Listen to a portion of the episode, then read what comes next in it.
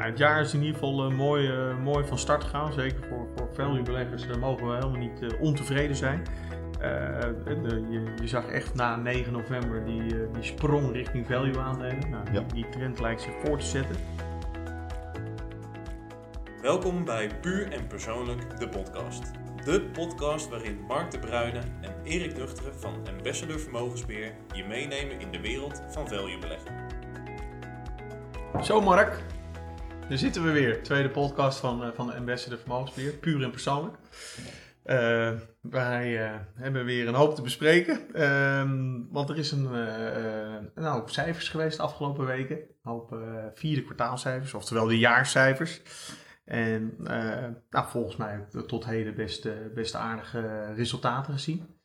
Ik wil er uh, zometeen, uh, ja, wil ik toch wel wat namen gaan behandelen. Uh, namen die wij uiteraard ook in, in onze value portefeuille hebben. Denk aan een Bayer, denk aan een Boskalis, een Euronav, een Glexo. Dus genoeg, genoeg te bespreken. Um, en wat ik heel aardig vond is, wij kregen een vraag van een, van een luisteraar. die ja, die wilde ik toch even behandelen. Dat uh, eigenlijk best wel een terechte vraag. Uh, de gekte rondom uh, GameStop. Ehm, iets waar wij als, als value belegger echt ver van blijven. Allemaal ja, in onze optiek gebakken lucht. de gekte die we eigenlijk ook terugzagen in 2001. En dat was ook de vraag van, zie je al de, de, patronen terug van, van 2001? Dus waarderingstechnisch. Ja, in zekere zin uh, zie je wel uh, parallellen met die tijd met, met, met 2001. Um, wat heel erg opvalt met GameStop, dat is niet een unieke situatie, is dat we hier eigenlijk het zoveelste gevalletje hebben van ja, partijen die, die kopen zonder eigenlijk te kijken naar de waardering. Eigenlijk alleen maar kijken naar prijzen en dat proberen op te drijven. Het is een, een, verhaal wat ook veel sympathie krijgt, hè, want het zijn de kleine beleggers hè, die via uh, particuliere uh, platform elkaar eindelijk ja, oproepen om, om te beleggen in bepaalde namen zoals een GameStop. En daarmee eindelijk de partijen die heel voor short zitten, dwingen om, die, ja, om op hogere koersen terug te gaan kopen.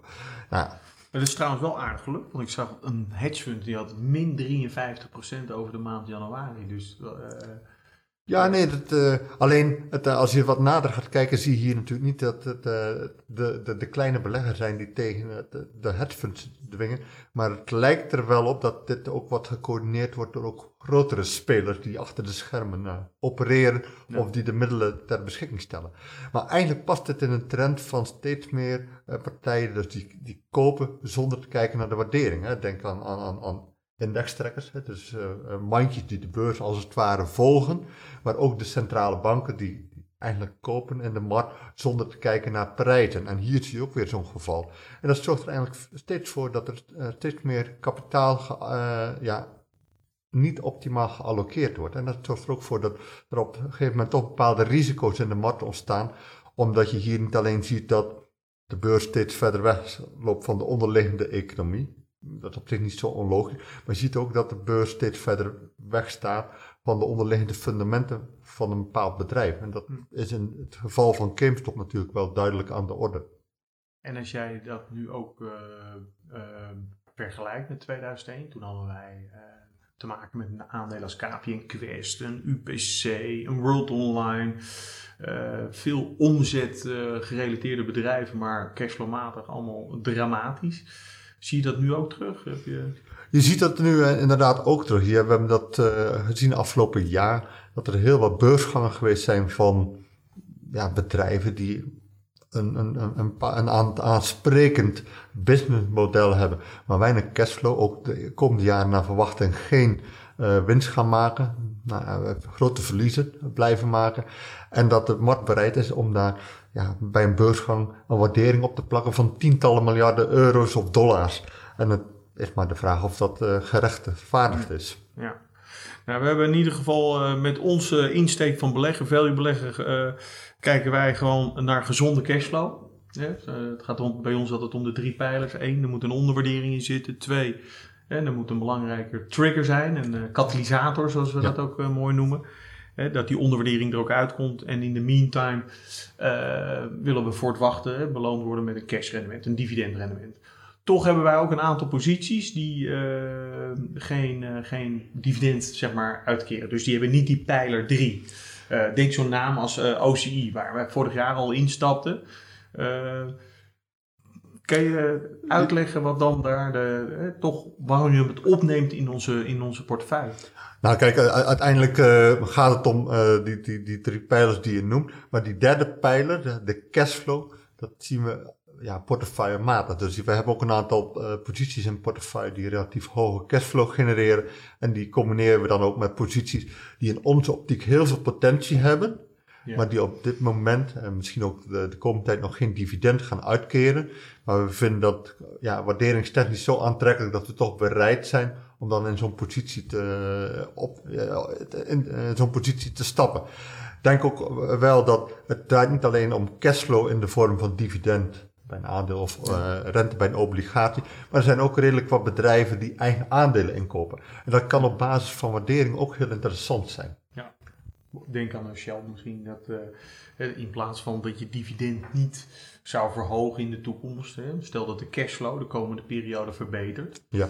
hè, dat je dan als bedrijf eerder denkt op deze zeg maar, waardering, eh, denkt aan een aandelen inkoopprogramma. Hoe heb jij trouwens gekeken naar de cijfers van Shell die, eh, die vorige week kwamen?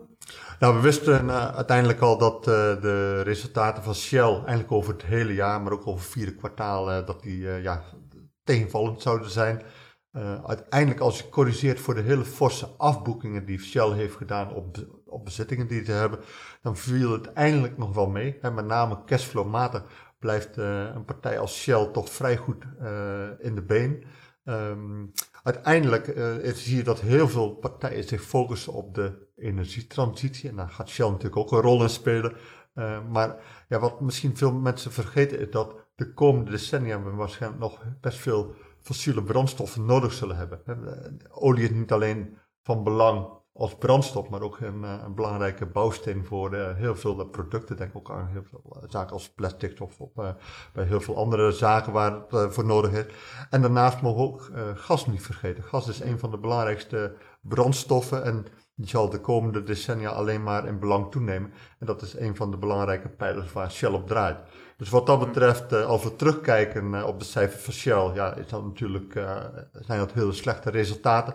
Maar ik denk naar de toekomst toe dat Shell best goed gepositioneerd is voor de energietransitie. Om daar enerzijds in te spelen op de Ja, groene we, gaan het meemaken. We hebben volgens mij morgen hebben we de grote dag van Shell. De, Ja.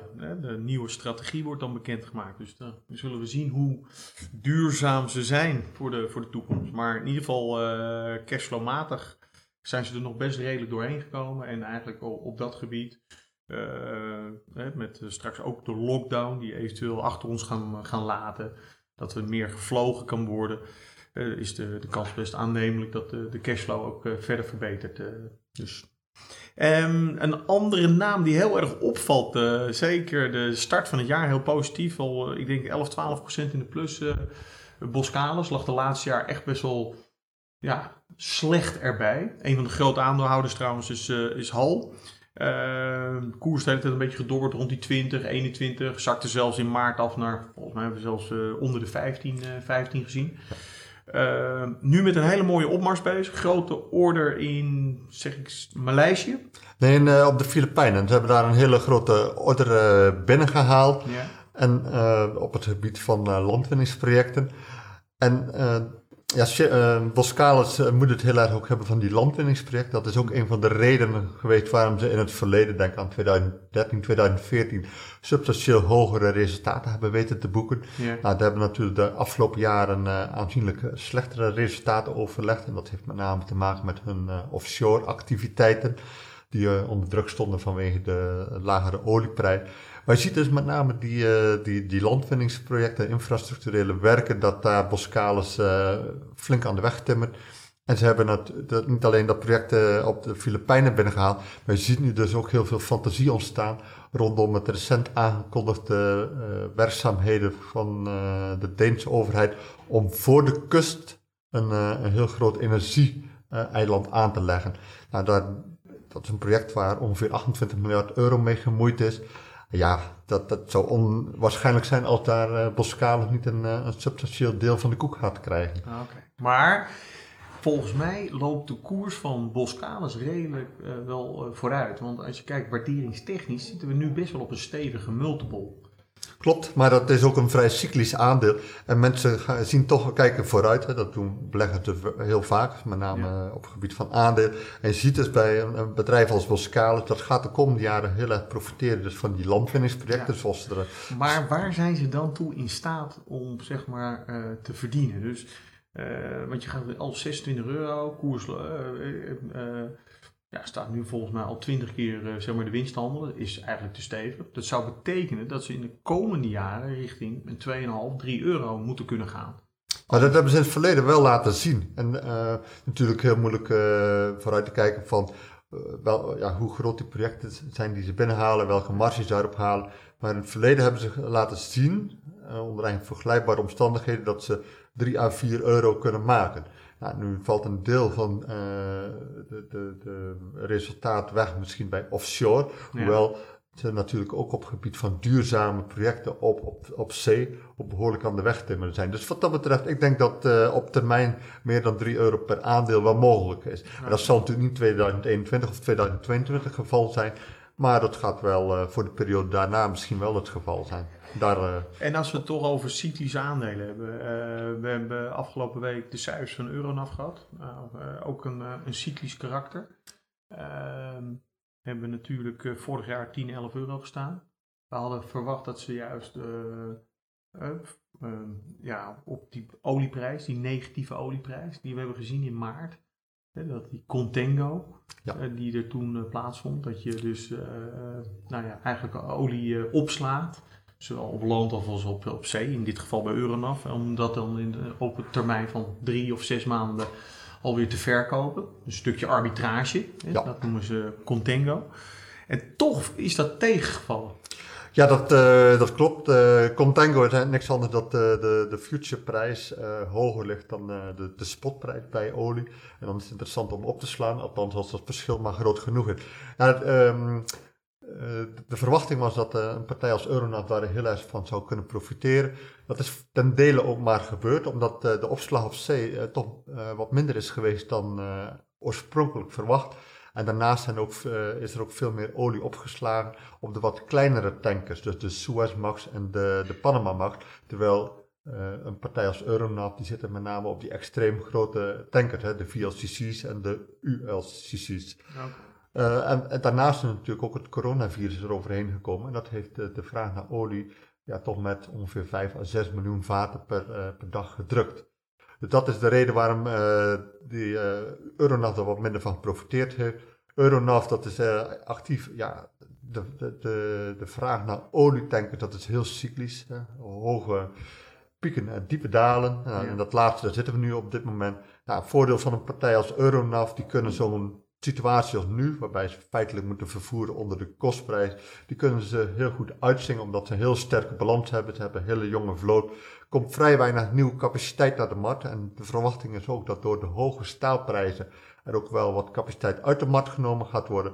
Dus Euronav kan van deze uh, markt uh, ja, hun sterke balans aan het werk zetten om dus eigen aandelen in te kopen. En ook om door ja, tankers te kopen van partijen die met veel meer schuld uh, opereren. En dan hebben ze recent ook een, uh, twee tankers gekocht die nog in aanbouw zijn.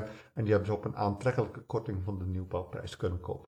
Vooruitzichten zijn in ieder geval uh, goed voor Euronav. Alleen op dit moment de winstgevendheid valt, valt tegen. En het is toch een beetje dat, dat cyclische karakter. We hadden het net over Boskalis. Om, uh, dit is toch altijd weer uh, in, in slechte tijden. En ik noem dus voor Euronav de huidige tarieven zijn gewoon slecht. Uh, dat zijn toch altijd wel de koopmomenten. Zeker gezien hun sterke positie in de markt. en op het moment dat ze echt geld beginnen te verdienen, is het ook eigenlijk wel weer het, het moment om, om afscheid te nemen. Dus ik zie het meer als een, ook een soort, toch wel een stuk tradingstok. Absoluut, absoluut. Ja.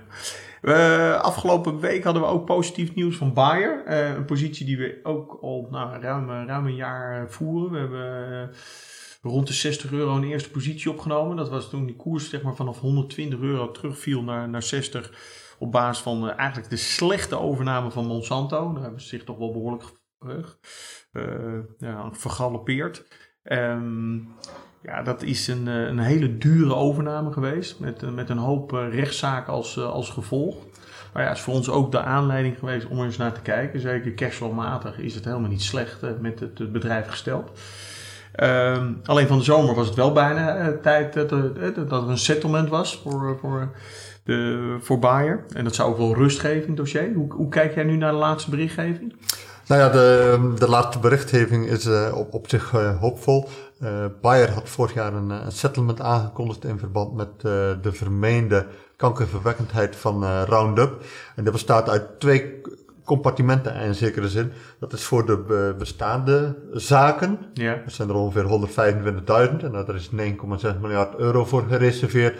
En dat voor toekomstige claims. Dus voor mensen die dit nu nog nu en, de komende jaren uh, zullen melden. Er was toen 1,25 miljard dollar mee gemoeid.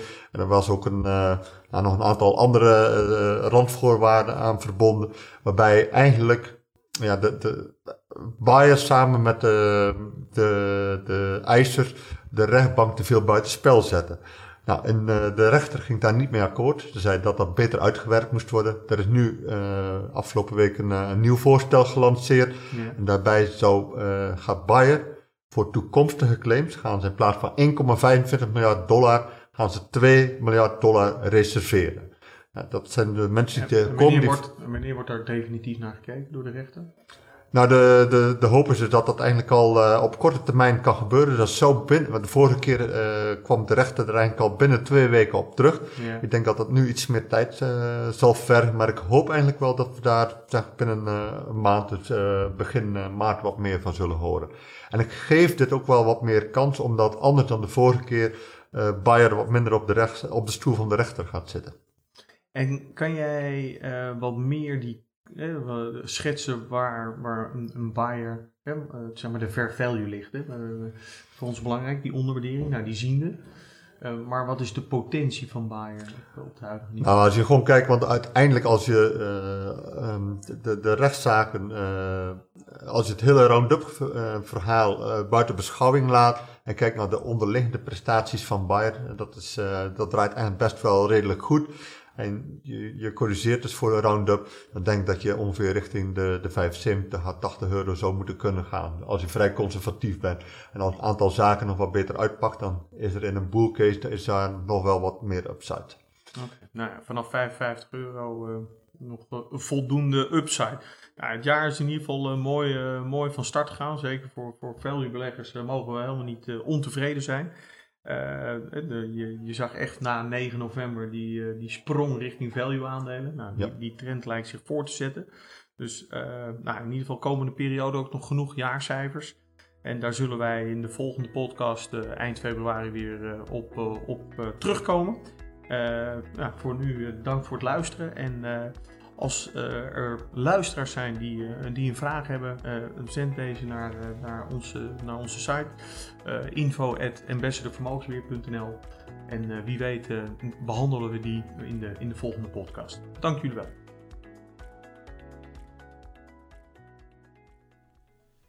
De in deze podcast verstrekte informatie is niet bedoeld als professioneel beleggingsadvies en is geen aanbeveling of uitnodiging tot koop of verkoop van enig financieel instrument.